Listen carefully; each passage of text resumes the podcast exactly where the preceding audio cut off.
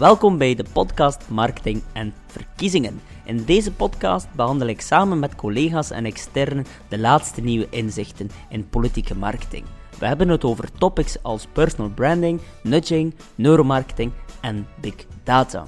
Ik wens jullie alvast heel veel inspiratie. Als jullie vragen hebben, mogen jullie mij altijd contacteren via reinoud.exposure.be.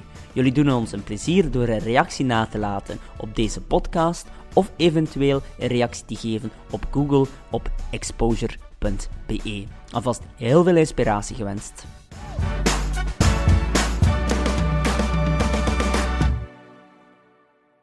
Welkom bij een nieuwe aflevering van de podcast Marketing en Verkiezingen.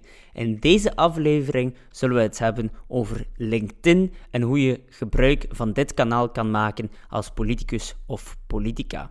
Recent zag ik zelf enkele boeiende posts van minister Alexander de Croo als ook minister Nathalie Muilen. Dus ik dacht van laten we samen met Pieter hier een podcast over maken en uh, ook natuurlijk wel boeiende tips geven. Pieter, ben jij eigenlijk al een tijdje actief op LinkedIn? Dag Reinoud. Ja, ik ben al eh, een hele tijd eh, actief op LinkedIn. Ik ben er zeer vroeg mee gestart. Ook toen ik eigenlijk nog niet zelf heel veel toe te voegen had aan het medium. Maar ondertussen uh, ben ik erin gegroeid. Ben ik zelf ook actief op LinkedIn, post ik eigen content. En ik merk dat dat toch veel oplevert.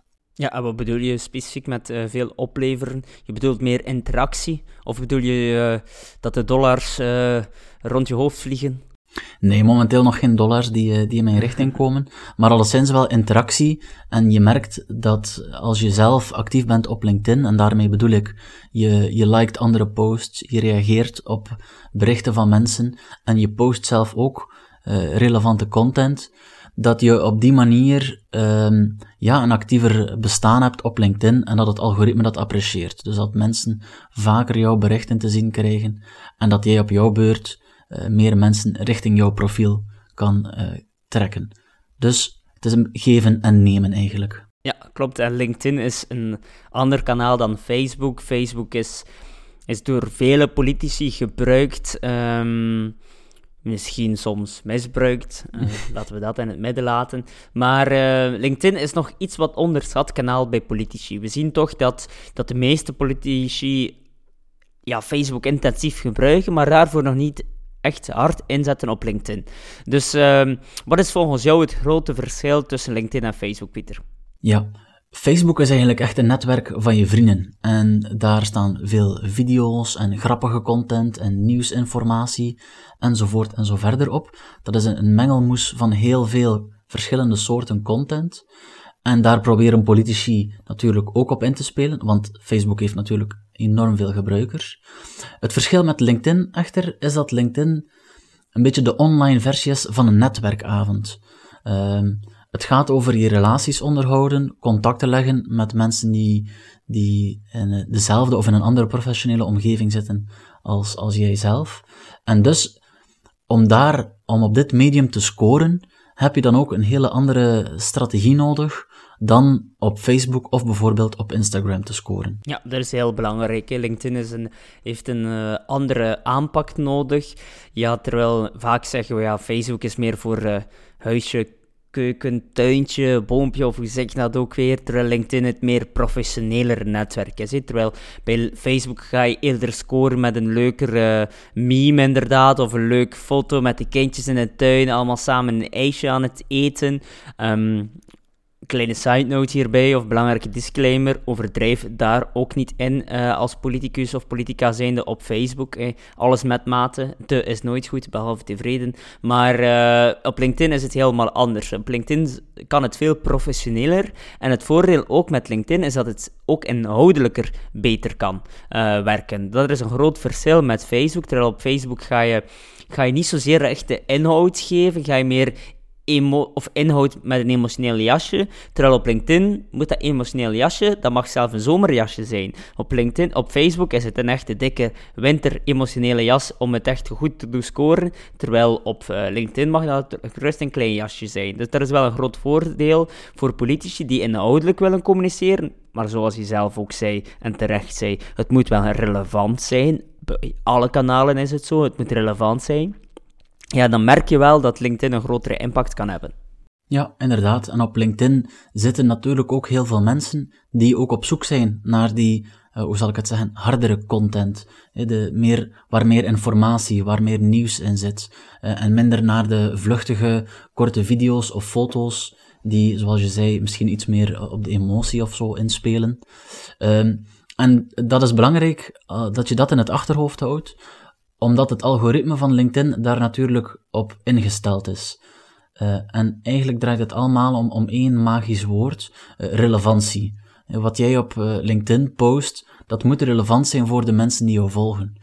En als jij dezelfde leuke familiefoto als politicus op Instagram zet en op LinkedIn, dan pak je het verkeerd aan. Want op LinkedIn, op Instagram bijvoorbeeld, kan dat leuk zijn, iets, een foto uit je privéleven.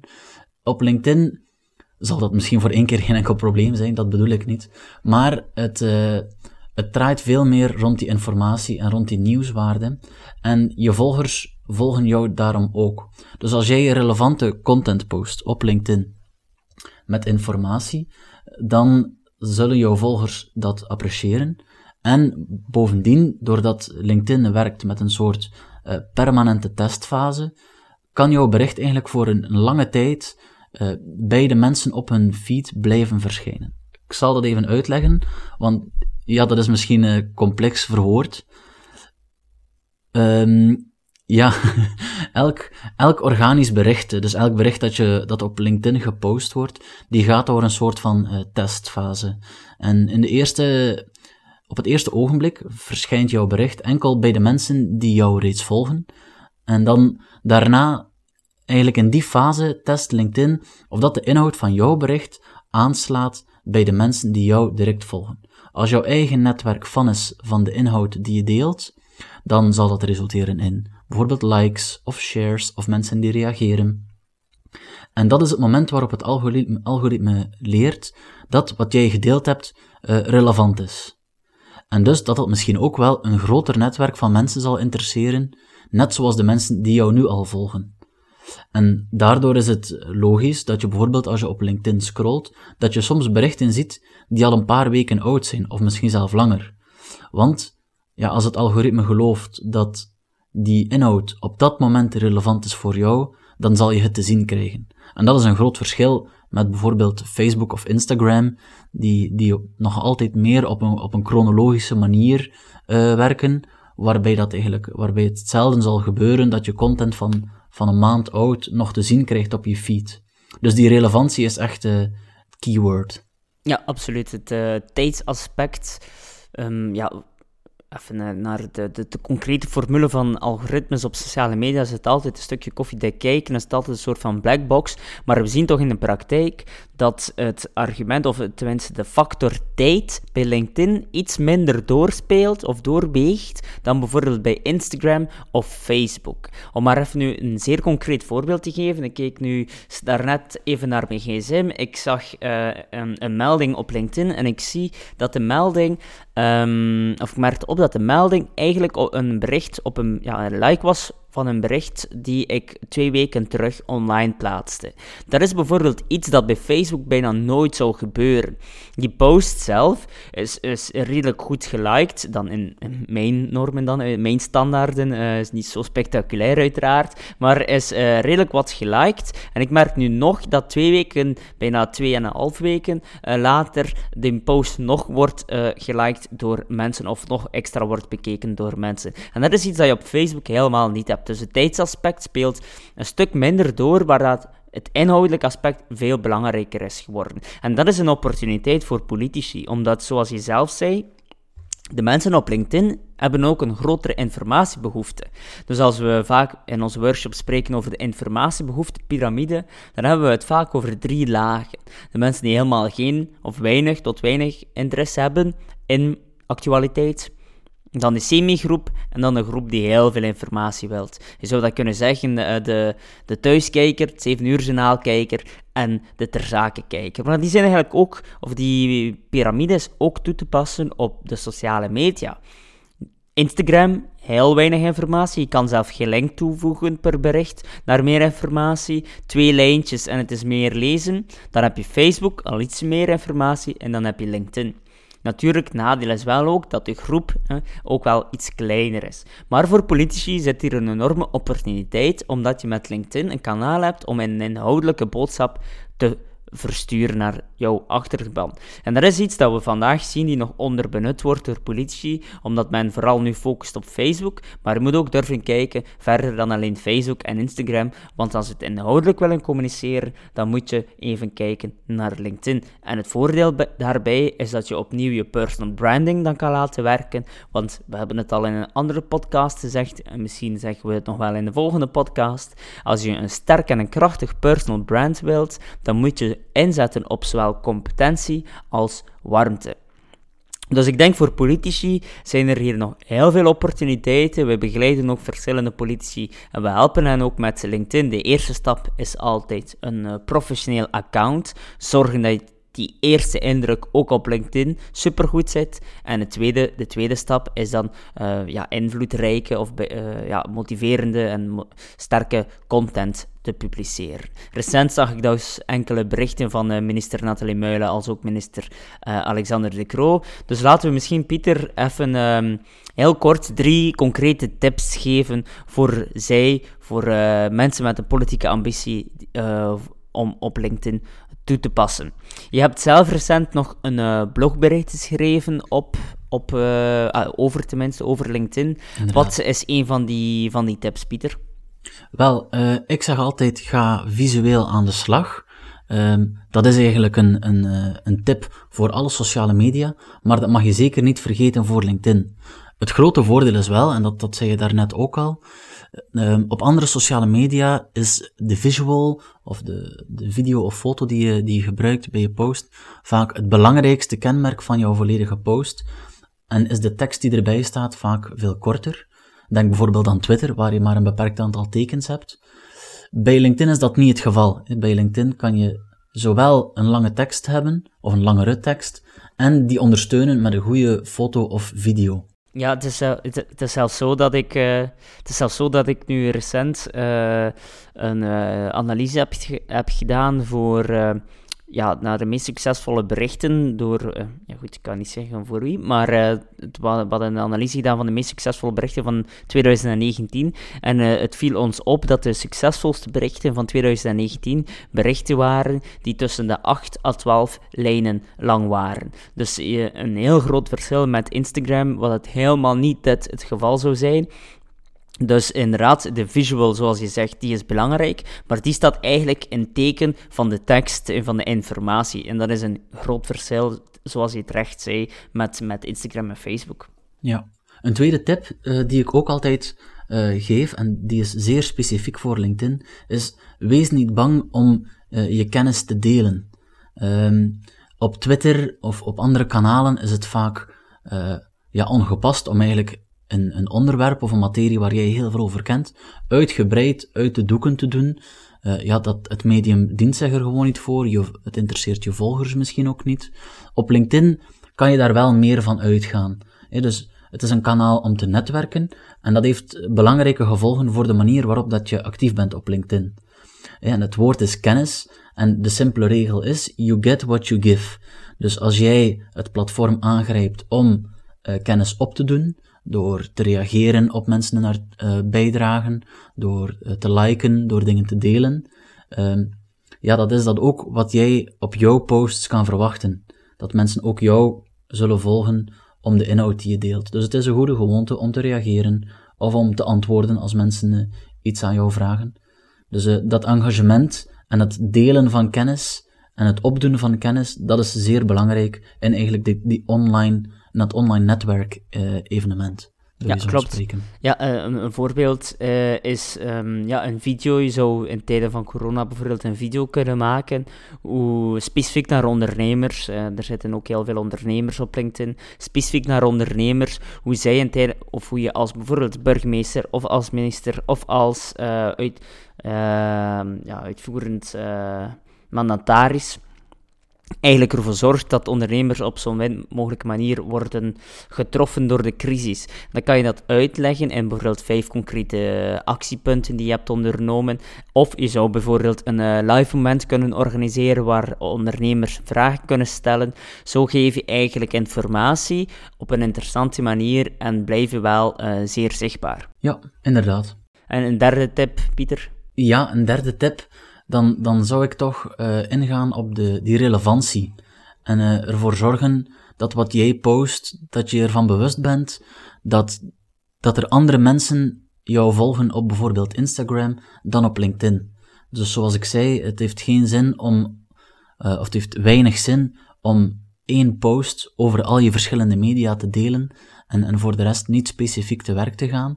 Op LinkedIn zitten mensen die op zoek zijn naar meer informatie, die technischer eh, geïnteresseerd zijn.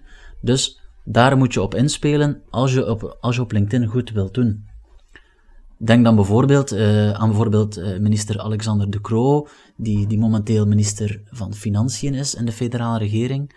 Ja, ook daar, hè, daar zijn hele technische materie, materies nu uh, die behandeld worden in tijden van corona.